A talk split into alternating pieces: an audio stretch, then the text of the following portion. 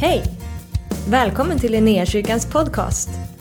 Vi hoppas att det här ordet ska uppmuntra dig, stärka dig i din tro och leda dig in i djupare relation med Jesus. Gud välsigne dig i ditt lyssnande. Hörrni, så här är det va. Det bästa som en eh, far, pappa som jag är till tre stycken fantastiska barn. De, de, de, min, min äldsta är 18, så när hon kommer och säger att hon älskar mig så är det ju fantastiskt. Det är, det är ljuvligt, men det är en vuxen människa. Det blir, det är liksom, jag kan kommunicera med henne på lite, min yngsta är 12. Och när han kommer nu då, och det var likadant när Novali var 12, liksom, men när han kommer och han säger, pappa jag älskar dig. Och jag vill bara att du ska veta en sak, säger han. Ja, det är det bästa som jag vet, det är att vara med dig. Då bara känner man, come on. Vad har jag gjort för att förtjäna det här? Har, har, jag, har jag liksom har jag alla hästarna hemma då? Liksom? Det tror jag inte att jag alltid har när det kommer till föräldraskap. Jag tror att jag gör misstag också. Men de där orden, att det bästa jag vet är att få vara tillsammans med dig. Jag älskar att, att vara med dig. Och det vet vi, det utgår ifrån himlen. Han sände det bästa han hade och han vandrade på den här jorden. Han dog, han uppstod ifrån de döda. Han heter Jesus frälsare om du bekänner dina synder och han vill vara din Herre. Och om du säger ja till att följa honom så kan du få gå med på resan tillsammans med honom. Så mycket älskade Gud den här världen att han sände sin son. Det ligger där, han älskar dig så han bjuder in dig och mig att genom sonen komma in i den där, den där relationen. Det som är är att när du och jag växer i det så får vi en passionerad kärlek till våran frälsning.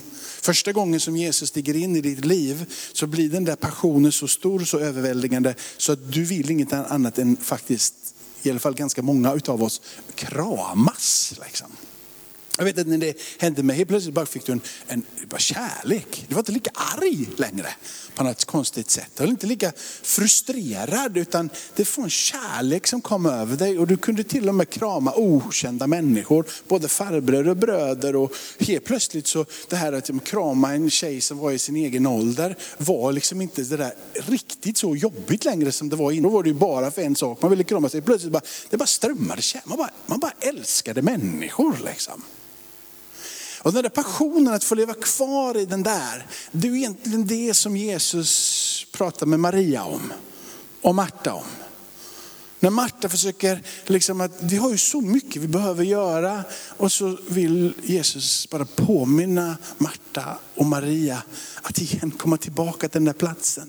Den där viktiga platsen där du får sitta i knät igen liksom. Och få känna Faderns kärlek, känna hur det strömmar. Och så behöver du och jag lära oss att omprioritera. Jag har en fru också. Det är fantastiskt med tre, med tre barn så att man får en fru också så man inte behöver göra allting själv. Hon och jag är ganska olika varandra på många sätt. Hon är kort och jag är lång och hon är blond och snygg och jag är ganska lång och ser mycket, mycket kropp liksom. Hon är inte alls så mycket kropp. Humör, hon är alltid glad när hon vaknar på morgonen. Det finns, jag har, vi har varit gifta i 23 år och hon, hon Äh, hon har inga dåliga månader alltså. Så ska du prata med henne så ska man göra det direkt på morgonen och helst på, liksom, för på kvällen så är hon alltid trött. Så, då, så liksom, man pratar då. Liksom. Och egentligen så är det tvärtom för mig. Så vi brukar ju få samtala någon gång mitt på dagen för att få det att fungera. Men vilket fall som helst så är vi väldigt olika också när det kommer till bekymmer. Och eh, vissa personer, och det här är bara liksom, eh, man är olika. Och jag ska försöka koppla in det här sen för att det finns ett bekymmer som har med din personlighet att göra. Och, och, liksom, och, men, men, och sen så har du mätt med liksom jag som inte är lika så bekymmersam av mig. Så kan man säga så här, men de här orden som kommer från gör inga liksom, bekymmer, låt inte oroas, kom till mig. Jesus säger till exempel Johannes 14, låt inte era hjärtan oroas, utan tro på Gud och tro på mig. Och då är det ju på ett sätt, det är ju lättare för mig då, i min personlighet, att ta till den texten. Om det nu bara hade varit en text generellt. Som generellt bara är en text av fina ord för att uppmuntra en personlighet som mig och göra en personlighet som Helena lite mer frustrerad. Men det är det inte. Det är ett ord från Jesus själv som kan träffa ditt och mitt hjärta, väcka någonting på insidan som är bortanför din och min personlighet. Där vi kan få leva i tro att den levande har det i sin hand. Men i det här så säger Helena, det är rätt orättvist tycker hon. För hon säger att du behöver ju inte oroa dig för att jag oroar mig åt dig. Liksom, för att jag, alltså, när hon har börjat oroa sig så har ju inte jag ens blivit orolig än. Vilket gör ju att jag behöver ju aldrig oroa mig. Liksom. Och jag är inte så ängslig om det, jag tycker att låt det få springas lite. Men en sak som har hänt på grund av att hon har den personligheten, det är att vi har aldrig varit på sjukhuset med våra barn. Det är ganska, det är ganska unikt. Liksom. De har inte trillat och slagit sig en gång. Det är knappt ett, liksom ett, ett skrubbsår. Och det har inte med att hon springer och jagar dem överallt. Utan det är ju på att hon bara har på något sätt andats ut. Ta det lite försiktigt. Liksom. Ta det lite försiktigt. Tänk efter lite först. Vilket har skonat ganska mycket problem. Så hur man än vänder och vrider så är ju personligheter till gagn och ibland så blir det lite, lite jobbigt att ha den personligheten. När Jesus adresserar det han säger så gäller det alla personligheter lika mycket hela tiden. Det är inte så att Jesus väljer att nu måste jag ha ett specialord till Thomas för han är ganska bekymmersam. Och så väljer han att ta ett bekymmersamt ord till dig. Och Eskil som aldrig är bekymmersam överhuvudtaget. Och liksom det, bara, det ordet det gäller inte Eskil. Det är lika mycket en kraft för Eskil i sitt liv. För det första som inbjudan kommer, till exempel när Jesus säger de orden i Matteus, är ju det här. Nej, sök först Guds rike och hans rättfärdighet så ska ni få allt det andra också. Bekymra alltså, alltså inte för morgondagen, för morgondagen bär sitt eget bekymmer. Var dag har nog av sin egen plåga. Det gäller ju både den som är bekymmersam och den som inte är bekymmersam. Att sätta fokuset först, att få komma upp i det knät. Det gäller båda två av oss att sätta Herren först när det gäller allt det som är i livet. Om du går ytterligare så ser du Paulus, vad gör Paulus i sitt liv? Han säger, tänk på det som är där ovan. Tänk på det som är där ovan. Så när han låter sitt liv få genomsluta, liksom börjar ju inte det med att nu ska du helt plötsligt söka Guds ledning för att nu är du förvirrad. Nej, det börjar ju ett steg tidigare. Han uppmanar dig i det som ska vara ditt djupaste förhållningssätt till vem han är, att söka det som är där ovan, som en attityd till livet. David är ju en fantastisk karaktär i gamla testamentet. David har ju en personlighet som springer till Gud hela tiden. Han ropar till Gud när fienderna är över honom. Han ropar till Gud när, när synden har nästlat sig in i hans liv. Han ropar till Gud när han inte vet vart han ska ta vägen. Han ropar till Gud när han gråter. Han ropar till Gud i så många olika känslor stämningar. Men grunden i Davids liv är ju inte att springa till Gud när han har problem och när han inte vet vad han ska ta vägen. Fundamentet för Davids liv är Gud är en verklighet, att han existerar, att han är sann, att han är orubblig, att han alltid har varit, han är oförgänglig. Han är densamme igår, idag och i evighet. Och han är källan till allt liv, så som vi har sjungit ut. Han är skaparen. Davids attityd är ju den här till själva livet. Ett har jag begärt av Herren, detta söker jag. Att få bo i Herrens hus i alla mina livsdagar för att få se Herrens ljuvlighet och söka honom i hans tempel. Det är inställningen. Det är ju rätt puckat ändå utav dig och mig. Att vi bara springer till Herren när vi är i behov av hjälp. Som en, liksom en sista utväg. När uppmaningen kommer både från Jesus att sök först Guds rike. Gör er inga bekymmer, sök mig först. Paulus adresserade på samma sätt, David adresserade på samma sätt. Han låter en inbjudan gå ut till Marta mig och Marta blir frustrerad. Du kan idag få liksom omprioritera. Gör rätt på något sätt i ditt förhållande till vem Gud är. Att få börja om, att få resa sig upp. När Paulus undervisar i Kolosserbrevet så andas det ut liksom en känsla utav att det finns ett liv på, um, tillsammans med Jesus som inte har med dina yttre handlingar att göra utan med vad han har gjort på korset och att han har vunnit en seger. Och I Kolosserbrevet så ingås det en djup uppmaning till dig och mig att leva ett liv tillsammans med honom. Att sätta en prioritering över han först. Till exempel, som jag sa, sök först det som är där ovan. När vi säger så här, men sök Guds först, låt han få vara det viktigaste i ditt liv. Att ta dessa ord från både Jesus och, och från David och från Paulus, att ta de här orden till sig. Att som Maria vara den som väljer den goda delen. Så vad innebär det? Vad gör det med dig och mig? Paulus säger till exempel så här när han pratar i, eh, i Kolosserbrevet. Ifrån vers 12 tror jag det är i första, i, första, i första kapitlet. Så står det så här att nu när ni tror på honom så lev i honom. En inbjudan att leva i honom, vers 7 är det nog förresten, eller vers 6 i kapitel 2 för övrigt. Men eh, jag blandar ihop det i huvudet här. Men i vilket fall som helst så finns det en inbjudan att så som ni nu tror på honom, att så nu och leva i honom. Att låta sitt liv få sätta ett fokus i att vara tillsammans med honom är ju att gå ifrån att bara tro på honom till att se att det går att leva tillsammans med honom. Att det går att leva i honom. Det är ju det som han säger att vi är nya skapelser i Kristus och att vi står tillsammans med honom, livet med honom. Det är som om att han vidare sen inbjuder det där överväldigande livet. Så säger han, lev på alla sätt så att ni behagar honom. Och Paulus sätter inte yttre saker som är det sättet som blir ett sigill på att du tillhör honom. Jag gör inte det, jag gör inte det, jag gör inte det, därför tillhör jag honom. Inte någonstans, för han säger att ingenting som kommer in gör oss orena. Ingenting det som ni äter, utan det livet som ni tror på, vill säga på det livet som Jesus har, det hans död, hans uppståndelse, där finns det. Men lev nu så att ni behagar honom. Och när, alltså, när ni nu lever så som ni behagar honom, så står det så här, då ska hans härlighetsmakt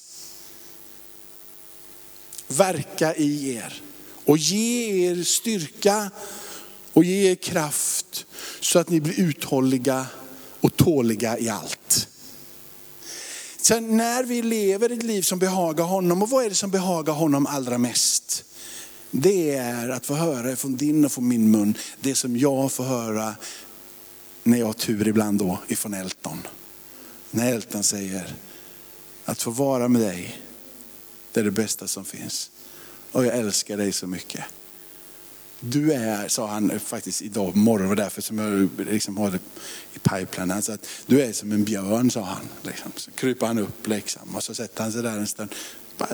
Och det, han sätter liksom sitt fokus till att få ett tryggt liv i mig. När vi var nu på, vi, vi brukar hyra en sommarstuga på sommaren. De, de, de som äger den eh, åker inte dit längre så, så vi får åka. Där finns bara en dusch i källaren. Och det är lite rått och det är lite liksom, det är inte bara, ja men det är inte ett modernt hus. Så han vill själv. Men om jag är med, eller då Helena är med, så är det inga problem överhuvudtaget.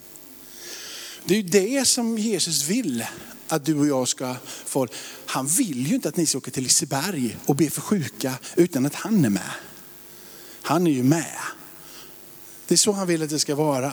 När vi rör oss på allting det så, så säger han, jag, jag, jag, vill, jag vill vara med.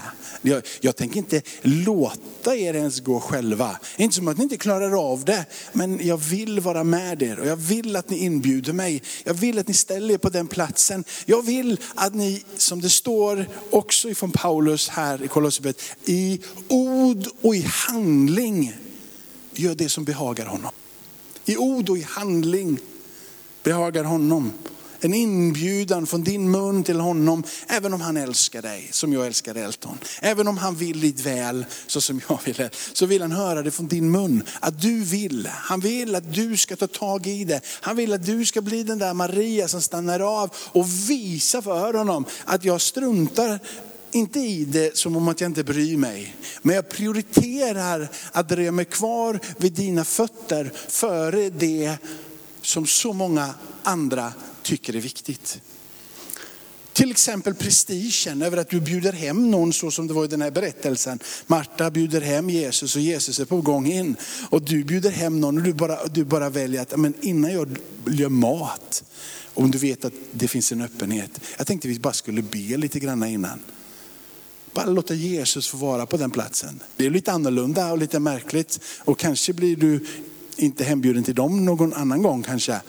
Men om du känner att det är rätt, va? att du vågar ta den resan som Gud inbjuder dig på.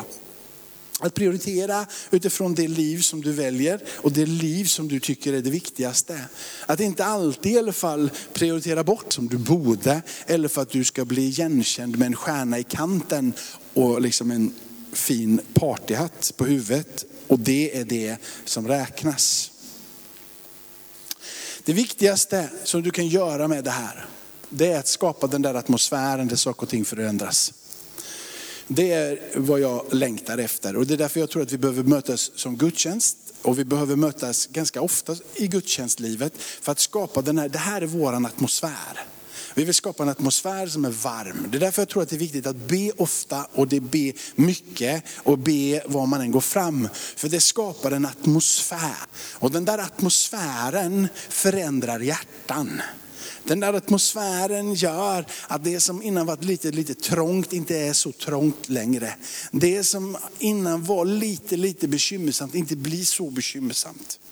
I den församlingsledning som vi hade uppe i Stockholm, när jag var pastor där uppe, så hade vi en väldigt enkel sak.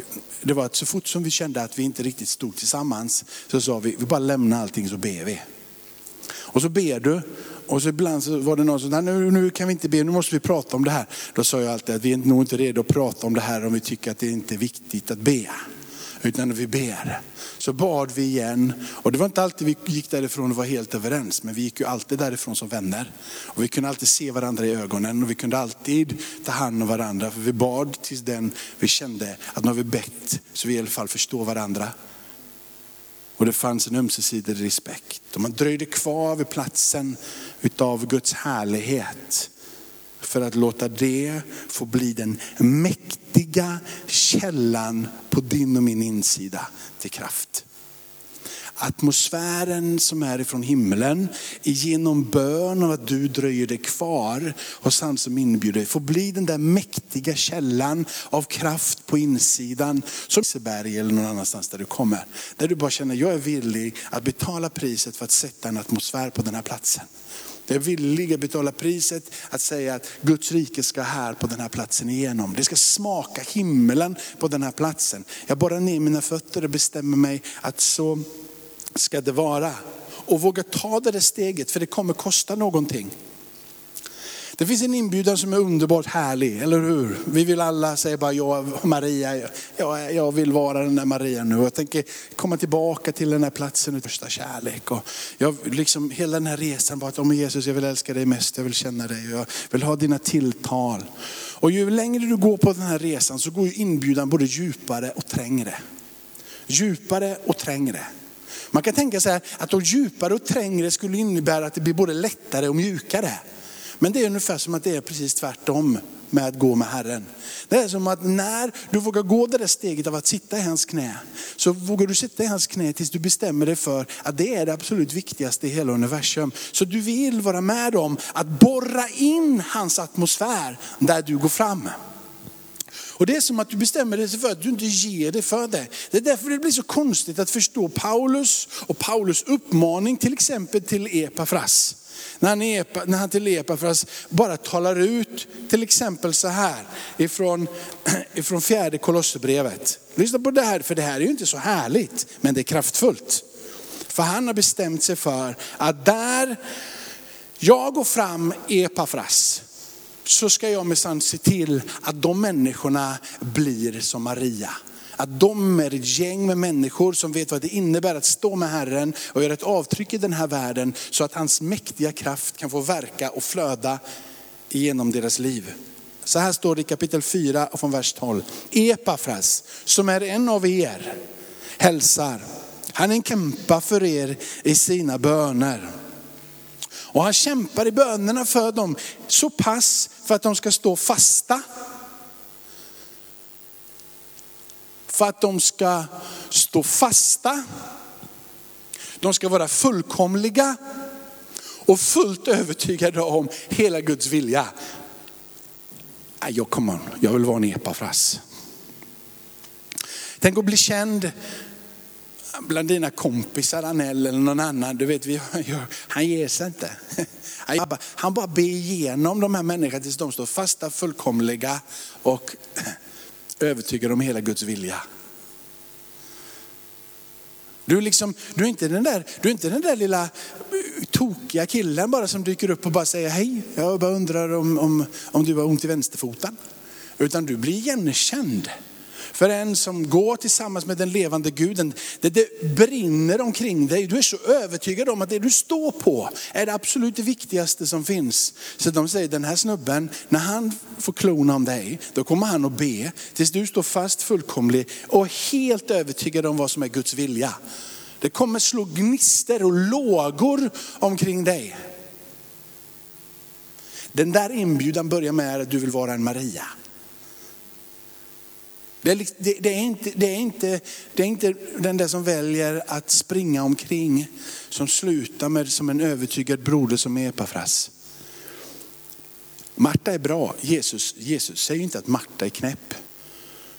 Men han igenkänner att Maria kan öppna och skapa en atmosfär där man söker Guds rike först och låter bekymren komma i andra hand.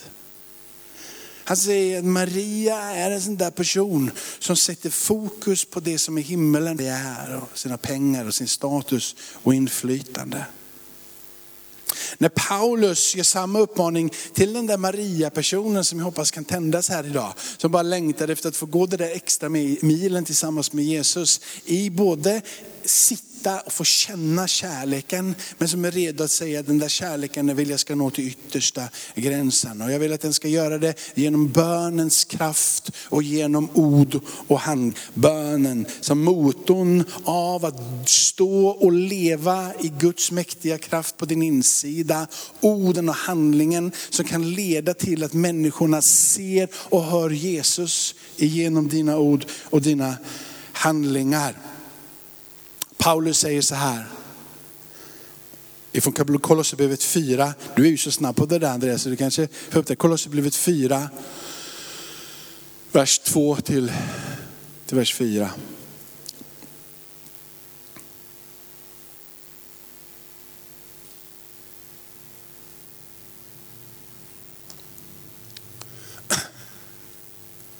Han skriver till dem, var uthålliga i bön.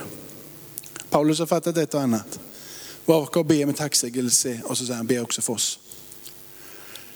Att Gud öppnar en dörr för att ordet, så att vi kan predika Kristi hemligheter. För vår skull som jag är fängslad. Och så ber han, be att jag talar som jag bör när jag lägger fram den. Alltså hemligheterna om Kristus. Inte bara att ordet skulle få bryta igenom, att ord, en dörr skulle öppnas så att jag kan tala. Men hur jag ska tala, på vilket sätt jag ska tala, när jag ska tala, hur mycket och på vilket sätt. Vad är det jag inbjuder, inbjuder till? Att få ha den där känslan som Jesus har på sin insida när han möter folk och säger, jag vet vad ni känner i era hjärtan. Jag vet vad ni tänker. Varför tänker ni så? Varför? Här är hemligheterna som jag vill dela med dig. När du och jag nu då, och nu, nu, oh, nu bara, jag bara vill vinna världen, nu är, det bara, nu är det bara uthållighet som behövs i bön. Va? För det här, nu står vi, ber vi bara för varandra och vi blir epa för oss allihopa. Då kan vi bara stå på och så ska vi bara få se hur Guds vilja bryter igenom och alla blir frälsta runt omkring oss. Och det kommer bli, kommer bli superligt. Men det är inte riktigt så enkelt. För då hade, vi har ganska många som har gått före oss, eller? Det här är en resa som är om och om och om igen. Det finns någonting som vi inte, bara för att vi nu läser nästa text, kommer fatta från andra Korintierbrevet kapitel 4 och vers 4. Bara för att vi läser den här, så du vet att det är andra som har läst det här också. Men om vi inte läser de här texterna och vi börjar låta de här tryckas in i våra hjärtan och låta det här få bli viktiga saker för oss, så kommer vi absolut inte få se någonting som vi hoppas att vi ska få se. Men om vi låter det som är skriften få tränga djupt in oss och penetrera våra hjärtan och få bli dynamiska, livskraftiga Guds rike på din och min insida. Ifrån andra Korintierbrevet kapitel 4 och vers 4. Va? Den här guden, den här världens Gud har förblindat de otroende sinne så att de inte ser ljuset som står fram från evangeliet om Kristi härlighet, han som är Guds avbild. Så min resa egentligen idag, det är att Jesus vill att du ska komma till honom. Han vill att du ska vara Maria, han vill att du ska sätta dig ner vid honom. Han vill säga att det är det goda valet.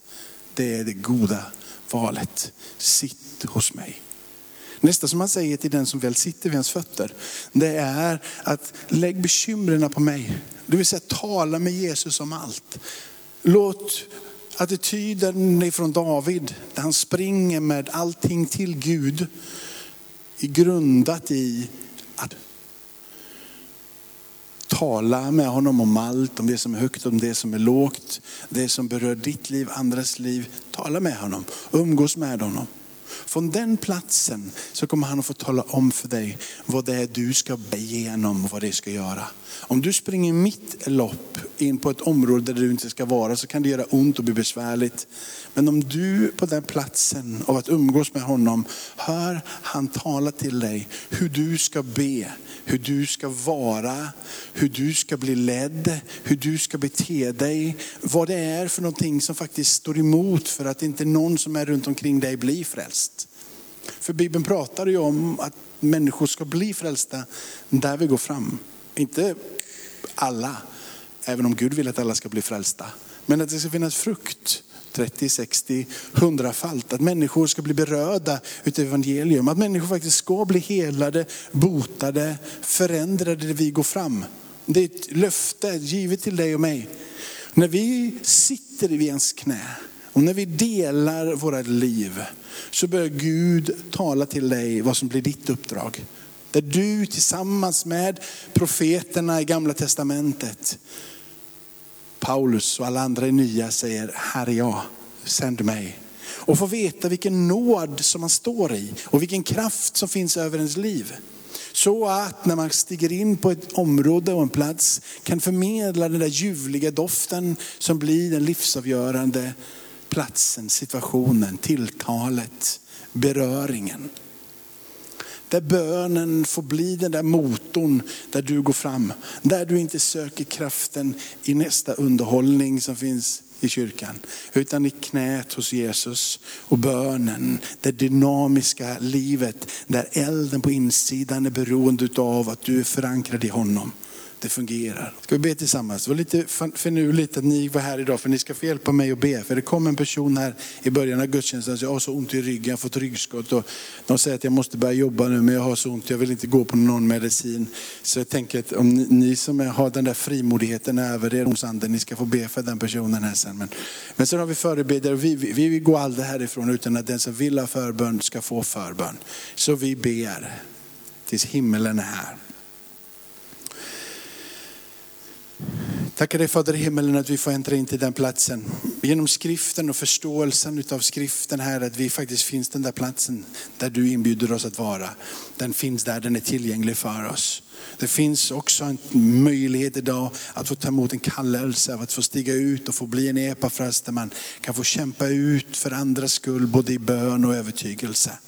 Jag ber Fader i himmelen att den stunden här på slutet fick bli den där vi känner att himmelen är öppen på den här platsen. Himmelen är öppen, tilltalen är där, härligheten berör. Heligande kom, heligande kom, heligande kom. Heligande kom, heligande kom.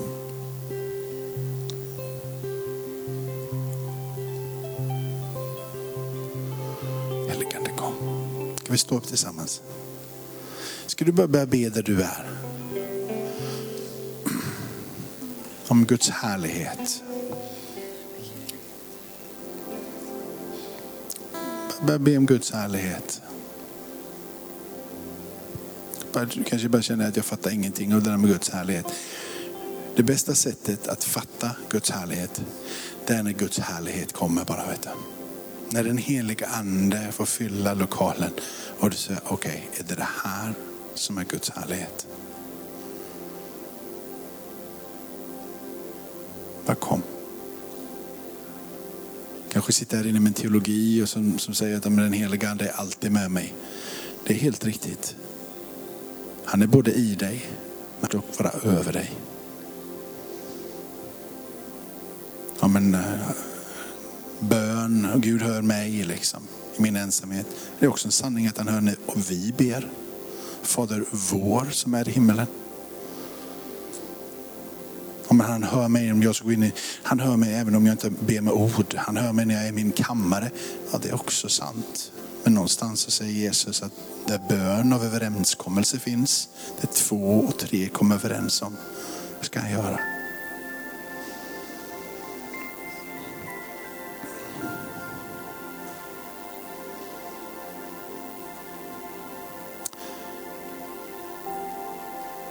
Bibeln är på ett sätt adresserad till dig. Evangelium är på ett sätt adresserat till dig.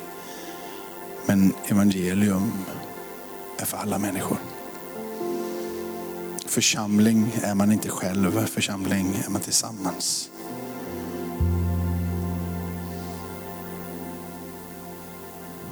Texterna i Nya Testamentet och Bibeln är skrivna till församlingen eller skrivna till de som bor där. Till, det är inte skrivet till en person, det är adresserat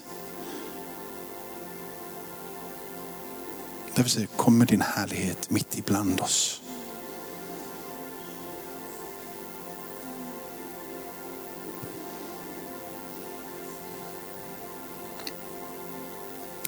Tackar dig för att det är ditt ljus kommer Herre. Det trängs mörker undan. Den här stunden så trängs mörker undan. Tackar dig för att den här stunden så försvinner mardrömmar. Ångest försvinner den här stunden prisar dig för ditt ljus. Tränger in precis där. Där mörkret är som störst.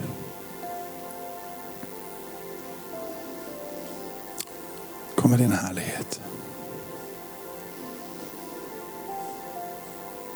Kom med din härlighet.